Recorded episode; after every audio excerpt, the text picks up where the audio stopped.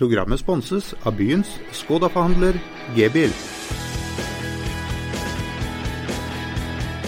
Hei. Du, Tommy, nå må du være stille. Nå skal jeg begynne programmet. Hei og velkommen til fotballradioen. Jesper, har, nå, har, nå er alt ødelagt. Vi har allerede introdusert uh, gjesten. Alle vet han heter Tommy. Da kan du uh, ta det videre. Ja, Vi har da fått besøk av uh, en som heter Tommy. Han har spilt masse fotball i Aust-Agder, også vært i Vest-Agder. Spilt for Start. Han har en sølvmedalje fra Tippeligaen for Fredrikstad fotballklubb. Han har ikke noe etternavn, det skal vi vite hvorfor i dag, men han heter faktisk Tommy Runa. Utrolig hyggelig å ha det her. Jeg må innrømme det. at det er godt å få besøk av en fra et skikkelig vinnerlag. For Jerv de er i vinden, Tommy. Det må jo være fantastisk å være i Grimstad disse dager? Ja, det er alltid fantastisk å være i Grimstad, og spesielt nå. Det var helt nydelig. Det var, det var sol i Grimstad, da, men det var regn her borte. da. Jeg vet ikke om det er litt sånn, sånn det er for tida. Det, det er sånn det, sånn det, er blitt? Ja, det er sånn det er blitt. Det er tunge, tunge dager her i vest. Men for å ta det først, Tommy. Du heter Tommy Runa. Hvor, er, blitt, hvor er det blitt etternavnet? Runa-navnet er langt tilbake, langt, langt tilbake med de gamle i familien vår som slo sammen to etternavn en gang i tida, eh, og til Runar. Og da ble det låst på en måte som en som kunne hete Runar til etternavn. Men det ble jo ikke da låst på en måte som fornavn og andre ting. da. Så Derfor så det jo, kommer du over noen andre Runar, så er det garantert en plass i min familie. Men din far har tre fornavn, ryktes det? Ja da, det er Kai Egil Runar, så det er fantastisk. veldig bra. Det er veldig bra. Tommy, du er jo involvert i eh, Jerv. De fleste husker som, eh, som startkeeper. Så har du stått i mål i Jerv etter du var i Start, men du er fortsatt eh, inne i klubben? Ja da, jeg holder meg til keeperne. Jeg prøver jo noe som jeg har vært borti før. Så jeg har ansvar for å være keepertrener på A-laget med, med, de, og så litt med de to unge juniorkeeperne som hospiterer litt opp med oss. og Det er de jeg følger opp. da. Hvordan er det å være en del av det miljøet der borte nå? Det er jo klart eh, det har vært en ekstrem positivitet i Grimstad de siste åra. Eh, alt fra du gikk opp eh, fra andredivisjon rett opp til førstedivisjon. En kjempesesong i fjor med, som endte med kvalik, som var over all forventning for alle. En vet jo alltid at man kan hvis man er på, men det er klart det, det krever mye. Hadde du forventa en kanskje en liten dupp? Denne sesongen er kanskje over enda mer forventning, hvis en kan si det? Ja, det er jeg helt ærlig på. Altså Min forventning før årets sesong, og det er ikke noe negativt om spiller eller trener, noen ting, det var på en måte at uh, i år så får vi at det ble en mer kamp for å holde seg. Eh, er en sånn realist at jeg sitter alltid og ser på tabellen i forhold til poenger, for jeg vil at vi skal holde oss. Mm. Jeg har vært i litt for mange klubber med opp- og nedrykk de siste åra. At det, det, det, er liksom målepinnen. Mm. Eh, og så vet en jo at neste år så er det kun to lag som går ned fra Obos-ligaen. Eh, så, så, derfor er det liksom det, det er realistisk på. Men du føler deg trygg nå, eller? Nå er jeg ganske trygg. Men eh, det er jo egentlig helt vilt, det som eh, skjer. De, jo, de er jo en liten klubb, til og med i førstedivisjonsmålestokk. Det er klubber lenger ned på tabellen her som vel har dobbelt av budsjettet i Jerv. Og så eh, er det, den klubben som spiller best og tar flest poeng nå i førstedivisjonen. Jesper, det er enormt imponerende. Ja, det er det klart beste laget i førstedivisjon det siste tida. og jeg sa jo i siste episode av Fotballradioen at jeg trodde Jerv rykka opp, og jeg er ikke blitt noe mindre sikker på det nå. Nå uh, har Kristiansund viste de litt uh, nerver på hjemmebane, hvor de leda lenge. De har nerver lenge. De har vel bare tatt et par-tre poeng de siste eh, fire-fem kampene. Sandefjord som har tatt ett på de siste fem, eller? Jo da, men Sandefjord har fått seg Sandefjord har fått seg to, to seire på rappen. Også. Ja. Sandefjord, Det står mellom tre klubber, sånn som jeg ser det. Sandefjord, Kristiansund og Jerv. Jerv er det laget som er i klart best form. Det er det laget som har hatt klart best utvikling. Husk på at det var en veldig svak start på sesongen. og Man satt liksom eh, og sa at ja, men dette er en naturlig reaksjon etter det de opplevde i fjor. Arne trenger litt mer tid på å få satt et nytt system, men så har det virkelig begynt å rulle. Og så har Jerv bare durt av gårde og er på full fart mot tippelinga. Så det er ufattelig imponerende. Men så er man liksom ikke sånn overraska heller, for den spillergruppa som var der i fjor, den viste at den var ekstremt god. Klubben lærte mye av det de var gjennom, både med tanke på at man hadde den sesongen vi hadde i første sesjon, men også spesielt denne prosessen rundt kvalikkampene, rundt dette med steiner osv. Nok... Du kan jo ta vekk eh, Nils Petter Andersen, Jan Jensen, Henrik Ropstad og OI. Så har sagt det i fjor at de kom ikke til å spille en viktig rolle for Jerv i 2016. Så hadde jo jeg sagt at uff, stakkars, eh, da blir det i hvert fall eh, tungt, hadde jeg tenkt. Men eh, så har det kommet inn nye folk, Tommy, som har vel vært med å løfte klubben, rett og slett? Ja, du kan si, altså For å ta Nils Petter og Jan Jensen, så har de vært uheldige med skader i år. Eh, det var jo absolutt spillere som vi regnet med og håpte med skulle være en del av laget. Eh, men når de ikke har vært til stede, så er det andre som har tatt eh, jobben istedenfor. Gjort en god jobb, i tillegg til at vi har fått påfyll med andre spillere. Eh, som har vært supergode. Eh, gøy med Michael. Det etternavnet skal jeg ikke begynne å uttale. Ogumbaro, vi kan si det. Ja, vi sier Ogumbaro. Ja, Ogumbaro. Ja, altså, vært, vært helt uh, fantastisk for oss. Uh, utrolig at ikke han har fått spille. Uh, Et gullfunn, sier det. En diamant av en spiller som kanskje ikke kommer til å være lenge i Jerv? Ja, altså, du kan si Det fikk vi vel også høre litt om eh, Fuseini i fjor. Eh, men nå ja, Han gikk jo videre til Åsane, så han fant seg en, en fin klubb. Kommer seg til Bergen. Han kommer seg videre. Nei, altså, Det, var sitt, det spillesystemet passa jo ikke for han, og da fikk ikke han spille. Michael kom inn og vært helt strålende med rolig og ballbesittelse og duellsterk og alt mulig. Eh, Eirik Haugstad som kom inn fra Stabæk. Eh, utrolig rask eh, spiller. Eh, spilt mange A-lagskamper for Stabæk. Mm. Og er med som et påfyll i gruppa med mange andre gode. Tony Bochmann har kanskje vært den som har vært den viktigste i året, Jesper? Ja da, og også i denne kampen som dere spilte nå sist og vant 1-0, det var mot Nå har jeg glemt. Ullkisa. Ullkisa, ja. Og Da er også Tony Brochmann meget god i store deler av kampen. Og så Andreas Hagen, som er en stor fan av, som alltid har vært en stor fan av. Geir, Geir Lug Fevang Lukalak, pleier jeg å si. Ja, ja, ja. Men Andreas Hagen er jo en eh, fantastisk fin fyr utenfor banen. Og en meget god fotballspiller på banen når han er frisk. Han har alltid slitt litt eh, med skade gjennom hele sin karriere, men har jo erfaring fra Superligaen, der han spilte og, og, og fikk masse god erfaring. Og han er jo en sånn teknisk begava spiller som i sånne kamper som mot Ullkisa, hvor Ullkisa der ligger ekstremt lavt, så er det mm. Andreas Hagen som vipper forbi får åpna det opp og får uh, slått et ferdigskåra innlegg. Så, men du var inne på det, Pål. Det å være uten Nils og Jan, som eh, er to av de viktigste spillerne eh, på dette laget, i tillegg til at man mista Ropstad, når man mista Antvi så det, og OI, OI ikke, minst, ikke minst. Det er altså ufattelig imponerende. Men all, all kred til klubben og all kred til Arne Sandstø, som har vært uh, outstanding. Arne Sandstø som uh, alltid svarer meg når jeg skriver 'gratulerer med seieren'-melding til han, men som aldri har svart meg på om han vil være gjest i vår kjære fotballradio. Han har sagt det til meg muntlig før. Ja, jeg vil gjerne være gjest, men Arne Sandstø bare overser de meldingene. Akkurat som ikke de kommer fram. For noe vas! Tommy, ta hils Arne og si at vi kommer til han hvis ikke han kommer til oss. Jeg har sagt at vi kan stille i leiligheten din. Vi kan komme til Grimstad på klubbhuset. Der har vi vært før, hvor jeg hadde bl.a. gjester som Glenn Endersen, Cosmo Collett og Arild Tusse. Ja, Vi kan reise hvor som helst så lenge vi treffer suksesstreneren Arne Sandstø, som skal da opp imot Fredrikstad og Mons Ivar Mjelde på mandag, borte. Det blir jo en ekstremt viktig kamp. Og mellom Arne og Mons, altså for en duell! Begge har trent Start, begge har spilt i Brann. Altså, det er masse likheter mellom disse to brumlebassene. og Når Fredrikstad møtte Åsane her i sin hjemmekamp nå, så ble jo treneren til Åsane utvist. Fordi at han og Mons hadde vært litt i tottene på hverandre. Så det er en fyrt Mons i Fredrikstad. Syv poeng på tre kamper. Har... Så, jeg så faktisk de siste ti minuttene så akkurat hva som skjedde. Åsane-treneren kasta en vannflaske inn på banen etter at de spolerte en god kontring. Og så var det rett opp på tribunen. Da sto Mons og gnei seg litt i, i hendene der og kunne innkassere tre poeng. Apropos Fredrikstad. Det må jo eh, Det må vi snakke om. Det må vi snakke om, for Tommy, du hadde kanskje ditt høydepunkt som eh, fotballspiller i eh, Fredrikstad? Ja. Eh, jeg var vel så heldig å bli leid ut til Fredrikstad i 2008.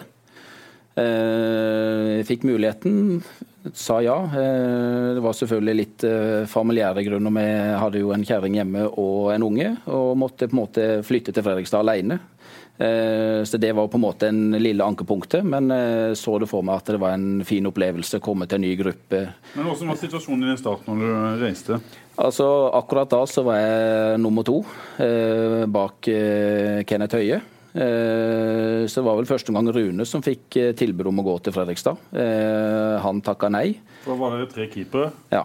Eh, og så fikk jeg tilbudet istedenfor. Og jeg så jo for meg at jeg fikk ikke spille, eh, så sant ikke det skjedde noen radikale ting. Og da tenkte jeg at det er greit, da er det å komme seg videre, prøve noe nytt.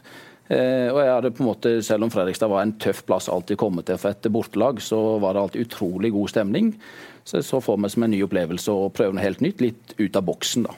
Og så gikk det utrolig bra sportslig, både for deg og ikke minst for for laget, som vel leda da høstsesongen starta, så leda de vel, vel, serien. Og så kom Stabæk, det var det året Stabæk vant. og ja. Hadde en strålende høstsesong og feide alle av banen. Altså Stabæk hadde det var jo tida med Alansinio, Nanskog og Veigard og hele den gjengen der. sånn, De var jo fantastisk gode. Eh, så det er klart det som skjedde i Fredrikstad var jo over all forventning. Ingen hadde forventa det i det hele tatt. Eh, det var en meget sterk spillergruppe med mange sterke personligheter. Eh, og utrolig mange gøye personer eh, som sto utrolig sterkt samla ute på banen. Eh, det var imponert deg mest av spillere som du spilte altså, med? Casey Wehrmann var jo en, en kaptein utpå der. både i garderoben, når du gikk ut. Eh, og så er det klart så hadde du jo eh, altså Abga Barson ikke sant, som kom fra Sverige. Patrick Gerbrandt. Rayo Piroya som gikk jo alltid med hodet først, uansett hva det var for noe. Eh, og så hadde du jo Hans Erik Ramberg, altså disse lokale Kvisvik, ikke sant, som eh, Tariq Elunussi. Altså, det var jo fantastiske gode fotballspillere. Men du hadde mange som, eh, som dro lasset. Det var på en måte ikke én person da, som dro gjennom, men det var mange personligheter som, eh, som samla gruppa. Og Tommy Runa. Ikke minst, og jeg husker selv eh, de kampene Tommy sto for Fredrikstad, så alle snakka med, var mest imponert over den roen han utviste i målet. For Vi som kjenner Tommy, vet jo at han var en god, stabil keeper. Eh, men som dessverre på altfor mange treninger ble brukt som spiss. Skal komme mer tilbake til det siden. Men den roen du viste, Tommy. Du, altså, du, du kom bort til Fredrikstad, som er en kjempestor klubb. Masse trøkk, masse press. Men du så ut til å ta det helt stille og rolig. Altså, du, kan jo ikke få det gøyere.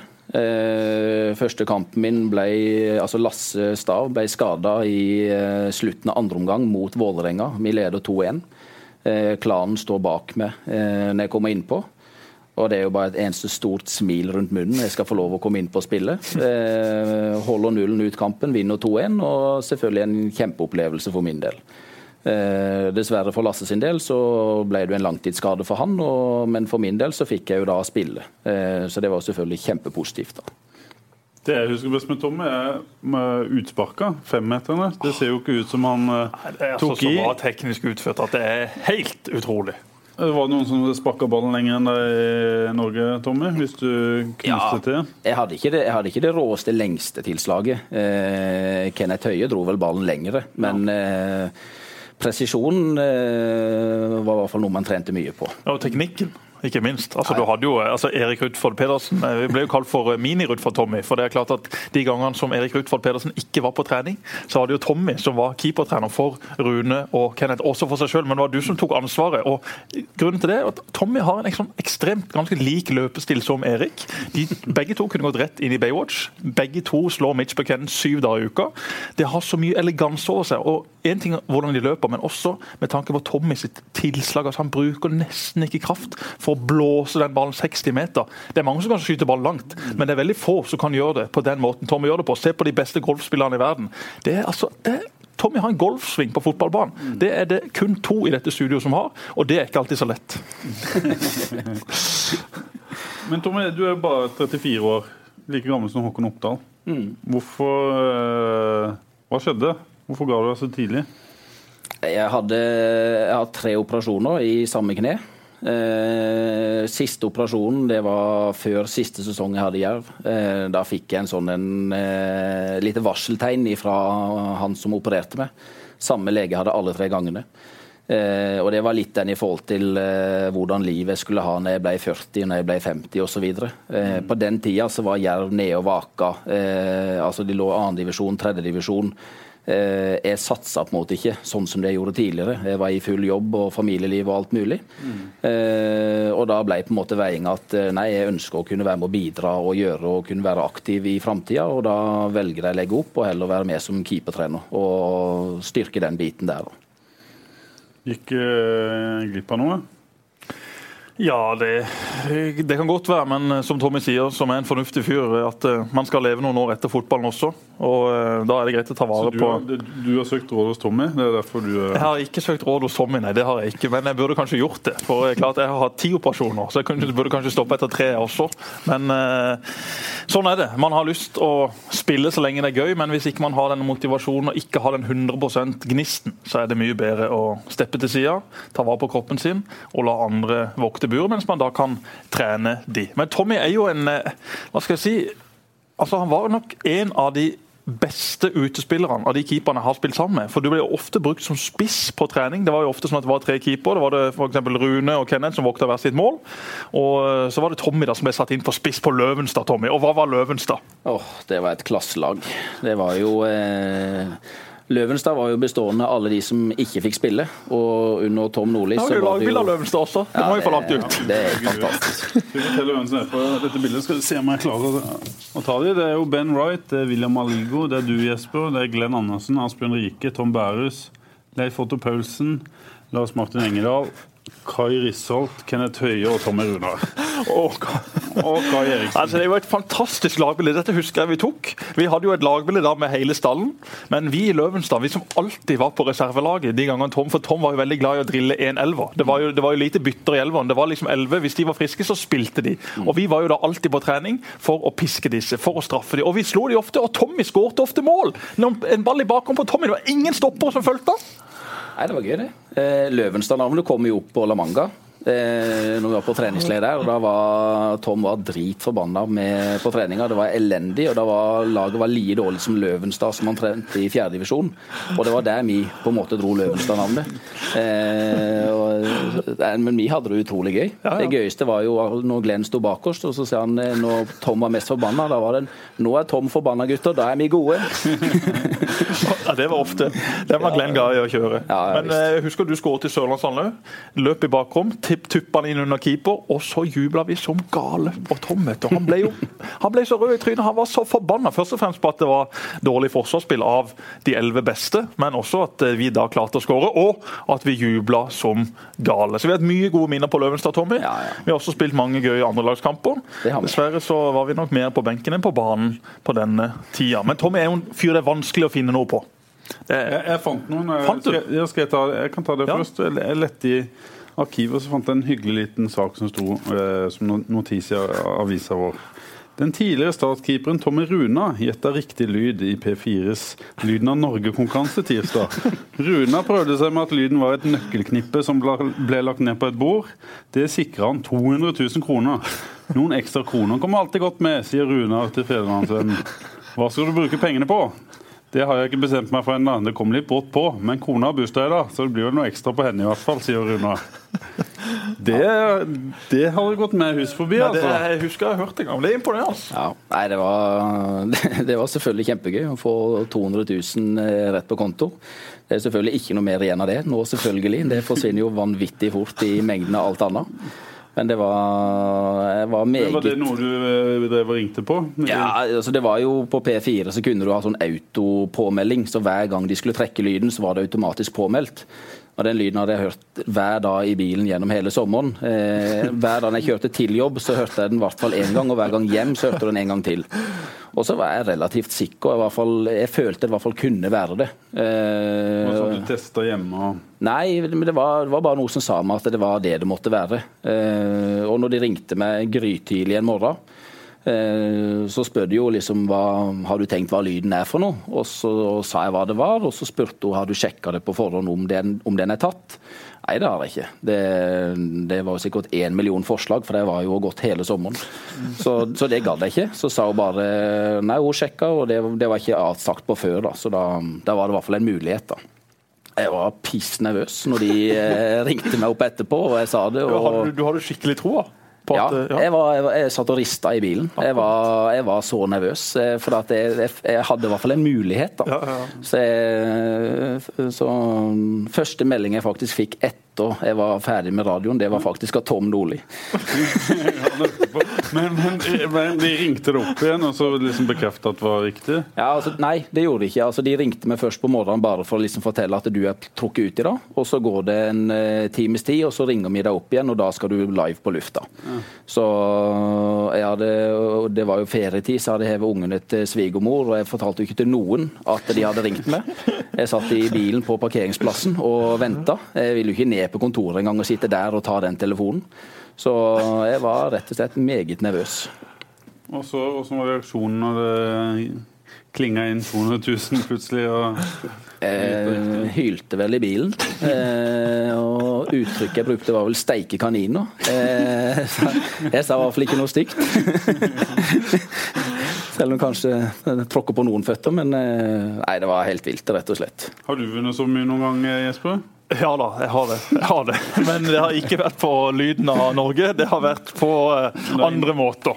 Men ja da, jeg har uh, vunnet mine kroner og jeg har tapt mine kroner gjennom mitt liv. Så uh, jeg kjenner jo litt på følelsen. Jeg kjenner litt på at Gøy å høre. det skal bli gøy når Christian Gytja blir toppskårer i Tippeligaen. Det er alt jeg kan si. Men han har et godt spill på. Og han leder med fem mål, så la oss håpe at dansken fortsetter der. Han har sluppet. Men en fantastisk historie. Men Tom ringte det etterpå. Sa du dette til Tom? Nei, han, eh, han, ringte meg ikke, han sendte meg melding. Oh, ja. Så, han hadde hørt det? Han hadde hørt det på radioen oh, ja, ja, på morgenen, så det var en sånn eh, 'gratulerer, Tommy'. Eh, det var det jeg leste i meldinga. Tom Nordli var din første trener i Start, var han ikke det? Jo. Du, hadde, du, var der ifølge mine papirer fra 2004 til våren 2009? 10. Ja, våren 2010. Hvor mange trenere hadde du i Start på de fem-seks årene? Jeg tror vi kom fram til at det var seks. Seks forskjellige. Så, det var mye Skal vi gå, gå gjennom det? Tom. Stig Inge Bjørneby. Benny Lennartson. Arne. Arne Sandstø. Arne, ja. Og så var det jo Tørum. Og så var det Var det noen andre innimellom der, Jesper? Jeg vet ikke. Det er så mange trenere at jeg har glemt et par av de. Men, uh, ja, Bård Wiggen var vel noe sånn ja. midlertidig uh, Frode Fredriksen var vel også sånn uh, ja. kanskje midlertidig Det var vel mellom Tørum og Sandstø? Ja, var det ja, kanskje Nei, Tørum og Mons var ikke Mons. Ja. ja, samme det. går samme. Men du har hatt masse trenere i start, da. Ja, det har vært hyggelig, det. Hvem er den beste treneren? Skal ikke spørre om dårligste. Erik Ruthvold Pedersen. Det var jo Tommys trener. Altså, tre, keeperen har jo en egen trener. De driver med egen idrett. De driver også varmer opp for seg sjøl borte på den ene banen, mens spillerne er da på den andre. Men Erik er også veldig opptatt av at keeper skal integreres i den andre treninga. Og det har vel du tatt med deg. For Tommy blir jo sett på av Erik som uh, Avtagen? Ja, altså slags kjempekeepertrenertalent. Og det virker jo som at Tommy har tenkt å gå den skolen også. Har du ikke det? Men Kunne du tenkt deg å drive med det på fulltid, Tommy? Og ta over jobben til Erik? Ja, altså, jeg tenker ikke de banene der nå. Jeg har, eh, jeg har tatt A-lisensen på keeperbiten. Neste som står for Tor, det er da pro-lisensen, som Erik har. Eh, men da er det utrolig masse krav. Du må ha B-lisensen som hovedtrener og det ene og det andre. Det er NFF, så det er en lang stige å gå for å få det ene og det andre. Men det er vel ikke så mange som unge keepere med erfaring som står på trappene her i, i, landet, eller er det akkurat det det er? Altså, noe av utfordringa er jo at de, de, krever jo at en keepertrener skal også ta nesten fullt eh, hovedtrenerutdannelse eh, for å kunne bli keepertrener, men det er ikke motsatt. Eh, og Det ene som irriterer meg litt, at du må ha den B-lisensen for å kunne ta pro-biten. Den mm. er de ganske rigide på. Jeg syns at altfor mange keepere, tidligere keepere har på en måte blitt hovedtrenere og ikke satsa videre på keepere, som trengs oppfølging av, for det finnes ikke så mange av de. Mm. Eh, og det er litt at du, du kan kanskje miste de litt på veien når de tar disse kursene, og at de ser for seg at det er gøyere å holde på med et lag enn bare med keeperne. Mm. Eh, og litt med på en måte hva, hva, folk ser på som en anerkjennelse og sånne ting òg, da. Så I Norge er de fantastisk flinke på trenerutdannelse innenfor keepere. Det gjør Stinesen og Grodås, og de en kjempejobb. Mm. Eh, men det er nåløyet å komme gjennom. Og, og, det er klart det er det kanskje noen tilfeller hvor du kan se litt mellom fingrene på hva man har av bakgrunn og, og muligheter og sånne ting, på, for å kunne få flere opp og fram. da. Men vil, vil du bli keepertrener på heltid? Det var det som var spørsmålet. Er politiker, så jeg svarer aldri ja eller nei. Skikkelig kjedelig svar, men det er selvfølgelig kunne Tommy tenke seg det. Det, det, er han, det er han eh, en eller annen gang. Programmet blir sponset av byens Skoda-forhandler G-bil. Men jeg har eh, som sagt eh, jobba litt for å prøve å finne noe på Tommy. Og da var så sleip at jeg skrev rett og slett på Tommy Runas vegg på Facebook at Tommy skulle være gjest. Vennligst send meg noen historier. Det er klart at det er ikke så mye som har kommet, men noe har vi selvfølgelig fått. Det ene har kommet fra Trond Kristoffersen, som bl.a. er involvert da i Jerv. Mm. Han Markedssjef i Jerv. Ja. spurte meg spør om Tommy har vært i kontakt med politiet i Oslo i en BMW 3-serie kabriolet. Også kalt B-gjengen-bil. Og hvorfor ble han stoppet? Hva skulle han se på midt på natta? Ja, det var jo godeste Trond Kristoffersen var jo med. Eh, jeg lånte da min eh, altså pappa sin gamle bil. Det var en 325 kabriolet. Vi skulle inn til Oslo og besøke en kamerat. Vi var vel 18 eller 19. Eh, og det var jo det året Big Brother var første året på Fornebu.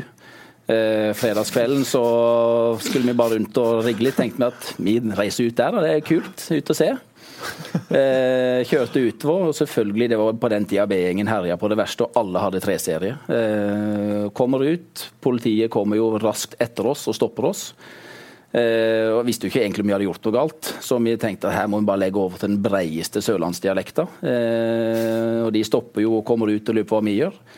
Og det, jo, det, var jo bønder i byen, det skjønte de relativt fort når vi snakka. Eh, jeg måtte jo også blåse promille og litt sånn, men eh, etter litt om og men så fikk vi lov av de til å kjøre en plass og få bare få sett hvor bygget var hen. Det var jo ikke noe mer vi skulle, vi var bare ute og kjede oss. Men da når vi kom nærme oss der, så møtte vi en Securitas-vakt som da dette var på vinteren. Så han kom kjørende, dro i brekket, breisledda bilen foran oss på vei hen dit og sendte oss av gårde. Eh, politiet hadde ingen makt her, her var det han som bestemte. Så vi måtte bare reise rett hjem igjen. Så fikk ikke sett Big Brother-bunkersen? Vi fikk ikke sett.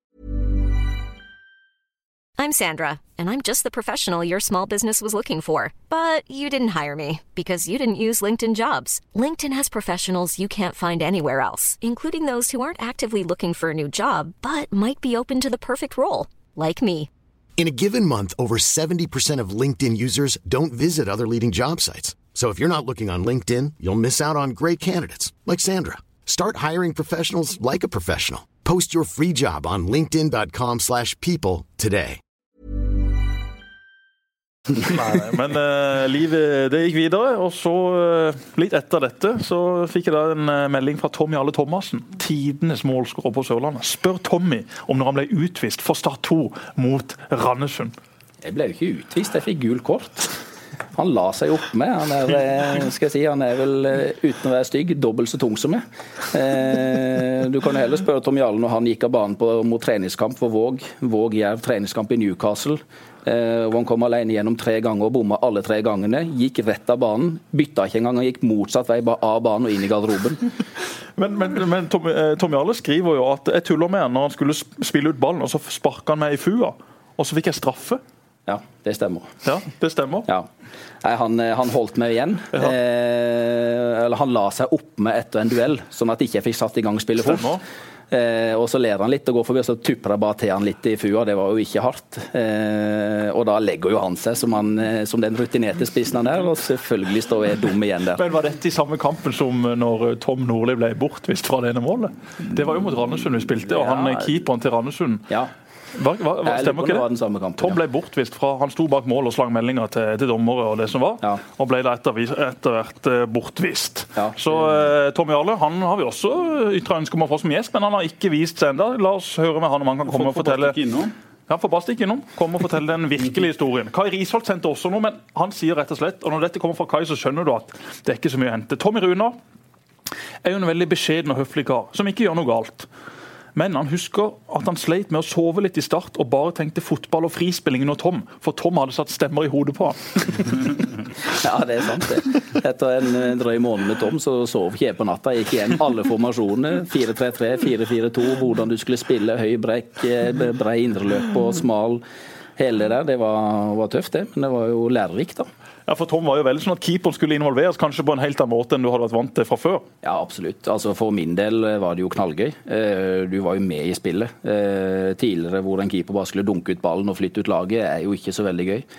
Eh, nå fikk du lov å være involvert, og det var jo, fikk jeg brukt på en måte min spisskompetanse som var beina og pasningsspillet, og det var jo knallgøy. Men altså, du, du, før du, du var jo 4-25 når du kom til Start første gang, vel. Hva, hva gjorde du før det? Nei, da var jeg jo i Jerv, eh, godklubben. Eh, spilte fotball der. Var eh, stort sett reserve for Terje Henriksen. Terje var jo en, eh, han er vel samme årstall som Rune Nilsen. De krangla litt om ungdomslandslaget en gang i tida. Eh, Terje var jo ekstremt god keeper. Så jeg fikk jo ikke spille veldig mye. Eh, jeg fikk spille mot slutten, da sleit han litt med skader og sånne ting. og Eh, siste året rykka vi ned fra andredivisjon med Jerv, og da bestemte meg for at nå må jeg på en måte rundt og se etter en klubb. Det eh, var en ukes treningsopphold med Lyn. Det var mest bare for å se litt på nivået. Eh, med Granli som trener, Også, og Ali Al-Habsi som keeper, som var jo helt fantastisk. Eh, I etterkant av det så snakka vi med Bård Wiggen, så jeg fikk komme hen og trene med Start. Det var før Tom ble ansatt. Ja. Og Da var Rune ute med skade, skulle opereres, så da passa det at de trengte to keepere på trening. Så da var det prøvespill fram til ut, litt ut i januar, når Tom kom. Og da fikk jeg tilbud om en gullkanta kontrakt på 2500 i måneden, som jeg måtte bare slå til på. Dårligst betalt i avstanden? Ja, Vi overlevde avstanden vi også på den tida. Jeg tror ikke vi altså så veldig mye mer eh, de første årene med Tom enn det er mulig. Vi lå på det dobbelte. At vi lå på fem, faktisk. Ja, jeg, jeg økte 100 året etter. Ja, ikke, sant? Ikke, sant? Ikke sant? jo, men Det forteller jo noe om at eh, Tommy virkelig ville dette. Vi gikk jo på videregående skole, så for oss var jo eh, det helt konge at vi kunne få ut noen tusenlapper i måneden. men det å gå da til start mot egentlig å nesten ikke få betalt, viser jo at Tommy er en spiller som alltid har hatt ambisjoner, og som ikke har tatt noen uh, lett vei. Og står faktisk da med seg en sølvmedalje fra Tippeligaen. Det er ufattelig mye mer enn det jeg har vunnet. Ja, det, Man må ta med seg de gledene der. Ja, selvfølgelig må man det. men du, du klarte ikke å legge deg opp eh, noen store penger på fotballkarrieren, men det er kanskje ikke så mange som gjør i, i Norge? Nei, eh, det var ikke så lett. Det var, eh, Første året var det vel to og et halvt i måneden, og så gikk jeg vel opp til fem, og så tror jeg jeg gikk til syv og et halvt. Andre året så klarte jeg vel å forhandle fram at eh, hvis jeg satt på benken, så tror jeg jeg fikk 500 ekstra. Eh, det var rett og slett for at de, de, de ville ikke betale meg noe særlig. Men eh, da sa jeg dere ser ikke på meg som noe annet enn et tredjevalg. Og hvis jeg da må inn og spille eller sitte på benken, så må jeg få noe goder av det. Men Var det litt sånn i start for at en kunne forhandle litt om litt penger for mål? og Altså, jeg har ikke hørt at det har vært om, om formål, kanskje, kanskje, på noen enkeltspillere. Men stort sett så har det jo vært sånn at uh, det var jo for en ja, sånn 2007-2008, disse årene her, så, så, var det jo sånn at uh, de fleste spillerne hadde i sin kontrakt at hvis du starta kampen, uavhengig av resultat, uavhengig av om man rykka ned med null poeng, så fikk man 10 000 kroner. Noen hadde til og med 20 000 kroner hvis man satt på benken og kom innpå. Ja, ja. Dette, dette, var bare bonus. Mm. Altså, man hadde jo en grunnlønn på x antall tusen, og så var det da 10 og 20 000 for folk som starta kamper, og halvparten hvis du satt på benken og kom innpå. Og da kunne man altså tape 7-0 og man kunne få null poeng på alle kampene, men bonusen den kom uansett. Så det er klart at det er jo blitt gjort grep med tanke på disse Rykka ned i 2007? Ja, og da var det et sånt år. Jeg spilte jo sjøl en del av, av disse, disse, kampene eh, når jeg var frisk og fikk sjansen. og det er klart Da var det noen gode måneder, med tanke på at man eh, da fikk bonus og kasta etter seg, selv om eh, man presterte dårlig, selv om laget tapte, selv om klubben rykka ned. Så jeg, var jo selvfølgelig dette noe av, av, av lønna, men det er klart, jeg tror ikke det var så mange av de 2007 som, som absolutt trengte denne bonusen. Den eh, kom som smør på flesk. Så det var andre tider. Nå er det 120 mill. budsjett, og det Start hadde ja, Nå er det heldigvis uh, nede på et mer normalt nivå igjen. Og disse bonusene har selvfølgelig Even Bransdal tatt en sabel og kutta totalt i stykker. Nå er det ikke sånne summer å få henta lenger, og det er bare sunt. Men Vi vil snakke litt mer om, om Start og Jerv og situasjonen nå. Eh, Tommy, hva skjer med sørlandsfotballen hvis Start går ned og Jerv går opp? Da blir det liv og røre i Grimstad. Eh, at Start rykker ned er jo, eh, selv om kanskje det finnes en teoretisk mulighet, eh, de kommer til å rykke ned. Eh, om Jerv rykker opp eller ikke, det vet en ikke ennå. Det er åtte kamper igjen. Det er et større spørsmål. Ja, det er klart. Du kan si For Jerv sin del så har du alternativet at de rykker opp. Blir det kanonmoro for Jerv sin del, møter masse gode topplag, får spille for fulle tribuner. Eh, går den ikke opp og holder seg i Obos, så er det klart så har de jo stor sjanse for både Arendal og Start. Mm. Eh, seks Vin -vin. gode lokaloppgjør på Sørlandet, som vil jo være helt ekstremt moro for alle, utenom Start. Eh, for de vil det være et helsike hver eneste gang de skal spille. Eh, mm. Alle skal jo selvfølgelig ta de, mm. og det er jo ikke noe gøy. Det er jo dødsgøy. Jeg tror alle synes det er gøy, men eh, den gjengen som er der nå, de syns kanskje ikke det er like gøy? Jeg vet ikke. Men uh, personlig så er det klart at uh, hvis jeg hadde hatt bein til det, så er det én ting som hadde motivert meg gjennom en lang vinter. Og det er jo å møte Knut Hørum og Arne Sandstuen for andre lag. Altså Det gir meg så enorm motivasjon. Jeg begynner nesten å svette. Jeg blir så varm når jeg bare begynner å prate om det. Tenk for en gave til sørlandsfotballen! Ja da, Start kommer til å rykke ned. Det skal jo eh, et kjempeunder til. Sitter vi her om et år, så er det Jerv og Start som kjemper om eh, opprykket, kanskje sammen med et par andre ja, altså, jeg klubber. tror Jerv rykker opp, da. Men hvis de ikke gjør det, så de vil, vil de være en toppkandidat neste år? Selvfølgelig vil de det. Og det er klart, dette vil jo trigge Jerv, det vil trigge næringslivet i Grimstad, det vil trigge folkene rundt. Jerv har blitt en attraktiv klubb å komme til, for de har sett at spillere rundt om i Norge har sett at går vi til Jerv, ja, så får vi en flott arena å utvikle oss på, som da igjen vil gjøre oss interessante for f.eks. klubber i tippeligaen på et enda høyere nivå. Så merker dere det, Tommy? Du er jo på innsida der. Hvordan, eller hvordan merker dere det? Vi får uh, veldig mange henvendelser på spillere. Uh, både spillere sjøl og selvfølgelig mye fra agenter. Uh, og veldig positivt at spillere som OI som kom til oss i fjor, som sleit i Lillestrøm, kom til oss, gjorde det kjempebra, gikk videre. Eh, Eirik Haugstad som kom til oss, som har flere kamper for Stabæk, eh, kom til oss fordi han ønsker å spille og utvikle seg videre. Uh, og det er supergøy. Vi har jo også et, eh, et keeperteam hvor uh, Øyvind er jo tidligere fra Vålerenga som tredjevalg der. Stian har jo også vært i Lillestrøm, så de er jo også unge, sultne keepere som på en måte har ønska å komme seg opp og fram, og sett at Jerv kan være det springbrettet videre. Ja, så ser du på Ulrik Bergland, som har gjort en god sesong for Jerv. Han ble kasta ut av Bodø-Glimt, var ikke i nærheten av å ta det nivået. Var i Strømmen i fjor ikke noe spesielt eh, god der heller, men har kommet til Jerv hvor han har passa inn i måten de spiller fotball på. Han har fått tillit, han har virkelig vist sine kvaliteter. Han var jo god i Bodø når de rykka opp til Eliteserien, så var vel en av de beste spillerne. Så jo. kom Trond Olsen fra Viking, og yes, og etter det så var ikke han i nærheten. Og, og det, var noe, det, var aldri noe, tankegang fra Bodø-Glimt om å beholde han. De hadde egentlig gitt han opp og kommet til Jerv, fått restarta sin karriere sammen med Tony Brochmann. Har vært i Tippeligaen før. Aldri utmerka seg noen ting spesielt, men nå på et litt lavere nivå. Virkelig fått tillit, blitt ei lederstjerne i det laget og blomstra. Og Det er jo det som eh, er veldig imponerende med Jerv, at de har fått tak i de rette typene, satt inn i det rette systemet og virkelig fått i gang både den ene og den andre. Så blir det jo alltid spennende å se hvis Jerv nå skulle gå opp. Sånn som stallen deres er satt sammen nå, så er jo med tanke på hvis man ser Tippeligaen 2017, så er jo Jerv en soleklar nedrykkskandidat. Men det kan skje veldig mye i løpet av en vinter. Det er ikke så altså et par spillere der og et par spillere som vil vokse med oppgaven, så har plutselig Jerv et lag som også kan holde seg i tippeligaen. Så det, det, det, er jo en enormt spennende tid. Og som Tommy sier, dette blir gøy for Jerv og Grimstad uansett. Mm. For andre år på rad presterer de egentlig over all forventning. Nå står de enten i tippeligaen eller sannsynligvis med Arendal og Start i samme divisjon. Altså Det blir jo ikke bedre enn det. Det blir ikke bedre enn det. Hvordan ser du på Start, eh, Tommy, nå? Eh, selvfølgelig tragisk at eh, det som har vært bærebjelka på Sørlandet, eh, ikke får det til. Det er selvfølgelig mange faktorer som spiller inn rundt det. og klart Økonomi har jo vært en stor del, som folk har lest opp og ned og i mente. Det er synd.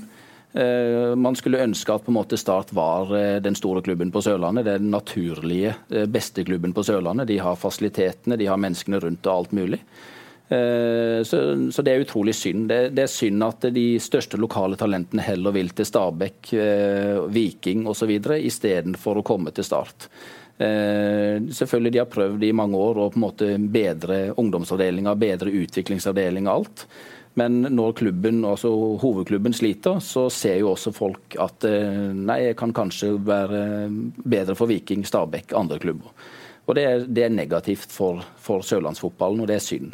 Eh, jeg er jo selvfølgelig i Jerv, men jeg har jo et godt hjerte i Start fortsatt. Eh, selv om det vil være mye kniverier mellom de to klubbene. Men eh, for sørlandsfotballen så hadde det vært best om Start var en, en soleklar nummer én. Så kunne godt Jerv ha vært i tippeligaen de også, men du må ha noe å strekke deg opp mot. Men Tenker du at det kommer til å skje, eller er du usikker på om, om, om det kan gå helt galt?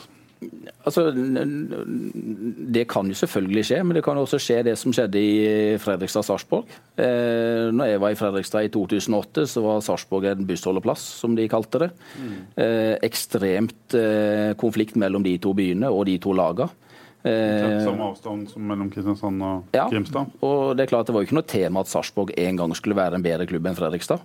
Eh, Fredrikstad har jo alt lagt til rette med publikum og mennesker og klubben alt sammen, men de får det jo heller ikke til. Så selvfølgelig så kan det jo også skje på Sørlandet. Men, det var eh, vel sånn i alle tider at de beste spillerne fra Sarpsborg spilte for Fredrikstad, ref. Eh, Raymond Kvisvik, men nå er det vel omvendt? Nå er det motsatt. Så, og det er jo klart det, det har vært synd for fotballen og synd for altså topplagene for det å komme til Fredrikstad var, eh, var, tøft. Det var alltid fullsatt, og det var et leven uten like. Eh, og det husker jeg fra tida jeg spilte der. Det var utrolig engasjement i den byen rundt fotballklubben. Eh, og det tæres på nå, når de ligger nede og ikke får det til nok en gang. da. Frykter du det, Jesper, at uh, det på en måte ikke bare skal bli sånn et år der Jerv kanskje en divisjon over, men at det kan bli noe som er varig hvis Jerv gjør det på riktig måte og, Start ikke kommer opp? Eller er Kristiansand en såpass stor by i forhold til Fredrikstad og en eh, Start en så eh, stor klubb at det kan bli annerledes? Jeg tror nok hvis det blir sånn at Jerv går opp eh, en divisjon og Start eh, går ned, og at det skiller en divisjon, så kan det godt ta mer enn ett år. Men hvis man ser fem og ti år fram i tid, så er det i mitt hue ingen tvil om at Start kommer til å være den beste klubben men at man må bli trigga at faktisk Jerv og også kanskje Arendal er med og, og utfordrer. Eh, sånn som i, i, Fredrikstad, der har det skjedd. Det har jo vært, først og fremst vært en klubb som har vært uh, ufattelig dårlig styrt i veldig mange år, og det er det jo mange som vil hevde at Start også har vært. Eh, nå har jeg som Tommy sitter i den ene leiren, jeg sitter i den andre, så det blir jo litt inhabil. Men den jobben som er gjort i Start de siste årene med tanke på økonomi, har vært uh, bra og helt nødvendig, men det er klart at Start har hatt veldig mye å hente på, på, dette med sport. og Det er jo til syvende og sist eh, det viktigste produktet man har. Det er det man skal selge til sponsorer, til publikum osv. Så, videre, og så, videre. så jeg har all mulig respekt for den jobben som er gjort i Jerv og Grimstad. Jeg har utrolig mange venner. Jeg har eh, ingen uvenner i, i Jerv som klubb. Jeg syns det er en strålende gjeng, både med, på det personlige plan og på, på, det fotballmessige. Men glem at Jerv skal bli den nye store klubben på Sørlandet. Det kommer aldri til å skje. Det kan skje i noen år, men det kommer ikke til å skje over lang tid. Kristiansand er for stort. Merkevaren Start er for god, selv om han akkurat nå har muligheter for å kanskje skulle blitt litt eh, pussa på for å skinne enda mer. Tommy sier at de beste talentene ikke velger start. Det er jeg vel ikke helt enig i. Nå tror jeg Bård Borgersen og co. har de fleste spillerne de vil. Det vil alltid være noen som går til Stabæk pga. at Ole Erik Martinsen fikk med seg én spiller der. Det vil alltid være noen som går til Viking fra Lyngdal osv. Men stort sett nå så er forholdet til naboklubbene veldig mye bedre enn det det har vært. De har mye bedre oversikt over de unge gutta.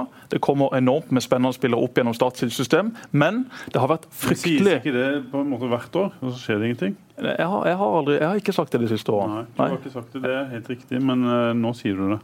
Ja, nå sier jeg det. For jeg har sett noen av disse gutta som er på vei opp og fram nå, uten at de skal dra fram noen navn, som kommer til å være viktige for Start de neste årene. Men jeg elsker konkurranse. Altså, er det én ting jeg skulle gitt høyrefoten min for å spilt, så er det oppgjør mot Jerv og Arendal. Altså de, de kvalikkampene i fjor det er jo karrierehøydepunkt for veldig mange av de som er involvert. Det, det, må jo være kjempegøy. Jeg er helt enig det skal være rivaleri. Vi må ikke være redde for å fyre opp eh, mot Grimstad, mot Jerv, mot Arendal, mot mot disse lokaloppgjørene. Arne Sandstø sa det vel fint. Eh, vi har mangla litt på Sørlandet klubber som kaster dritt på hverandre. Selvfølgelig, og det må vi ikke være redd for. Det, det er ment i en uh, fotballsetting. Det er ikke så himla alvorlig. Hvis jeg hadde spilt mot Tommy, Tommy og Tommy hadde vært i, i, i Jerv, hadde jo slekt all verdens dritt til hverandre. Men jeg er jo glad i Tommy for det!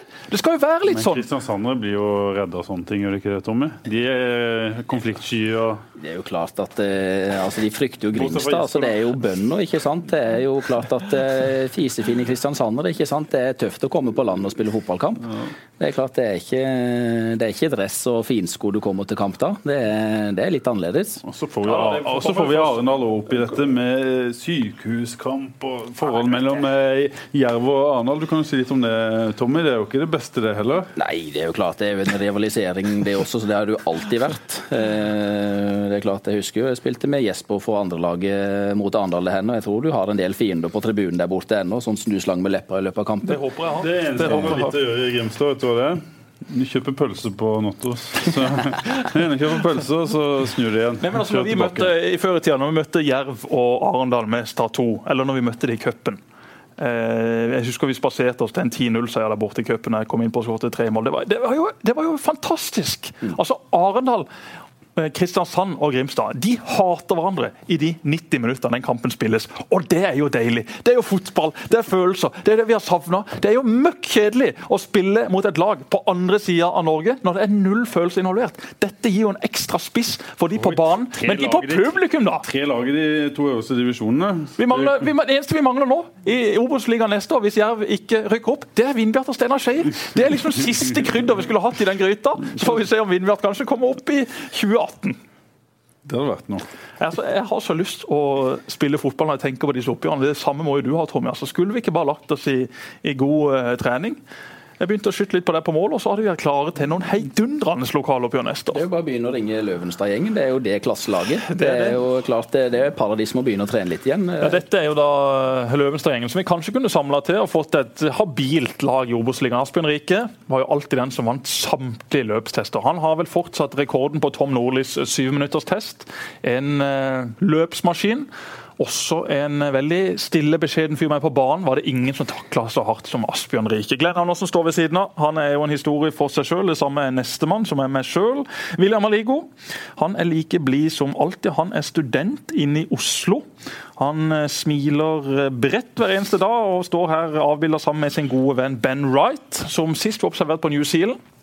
Litt usikker på hvor han er nå, men funnet seg ei flott dame. Lars Martin Engedal i sitt livsform løper rundt i tights. Kommer i denne berømte 30-årskrisa. Bor eh, rett opp forbi gamle stadion der på Lund i en flott, nyoppussa leilighet. Så han er i i godt driv. Spiller for Don 2. Tok en meget viktig seier denne uka. Gratulerer til Lars Martin Engedal og Rune Hergeland, som da er treneren. Leif Otto Paulsen. Fått seg et par unger trappa litt ned i vigør, tror jeg. Tror han spiller på vigør 2, sammen på vigør 2. Tommy Alle Thomassen òg. Lurer på om han òg spiller der, faktisk. Imponerende. Tom Bærhus. Han kjenner du, Pål. Trener i Gimle 12 gutter 7. Ja da. Kai Risma. Han er sykemeldt, men hadde sikkert stilt opp på Hadde, han, altså, hadde Kai fått beskjed om å møte til kampen dette laget, ja, da hadde han blitt friskmeldt. Det er ikke noe å lure på. Og så har vi da de to keeperne, Kenneth og Tommy. Kenneth som spiller i Djurgården. Djurgården gjør det greit i Sverige. Ikke så mye lenger. Han fikk vel en, eh, en konkurrent nå i, i sommer. Nå har jeg ikke sett på lagoppstillingen til Djurgården, men de henta vel en ny eh, førstekeeper. Ja, men han har gjort det bra i perioder der borte. Ja, han har vært uh, stabil over mange år. Mm. Vel, den, skal vi si at han er den i gjengen her som har hatt den beste fotballkarrieren? Uh, ja, det må vel uh, kunne sies at uh, Kenneth Høie har hatt den som har spilt på høyest nivå beste karrieren. Ja da, det er det. Men du får aldri meg å si at en keeper har hatt den beste karrieren. det, det, går ikke, Tommy. Det må være Kai Eriksen. Ja. Kai Eriksen har hatt den beste karrieren. Han har holdt ut Han satt som oppmann. En, altså, det er jo også en uh, viktig kamp på mandag for Jerv. Start skal ut av borte mot uh, Bodø-Glimt. Det, det er mannefall. Mannefall, ja. Gi oss siste Nei, oppdatering. Den, den, sant, vi er ute da med denne smellen i hodet. Tar ingen sjanser med han. Uh, Dooley Johnson er suspendert. Andreas Hollingen er skada. Andreas Hollingen er skada. Bojang sliter litt. Bojang sliter kanskje litt. Så han i godt driv på Gikk av trening i dag. Han gikk av, ok. Da, det Lars Jørgen Salvesen gikk av trening i dag. Salvesen gikk også av treninga i dag. Kanskje han skulle til frisøren, la oss håpe det.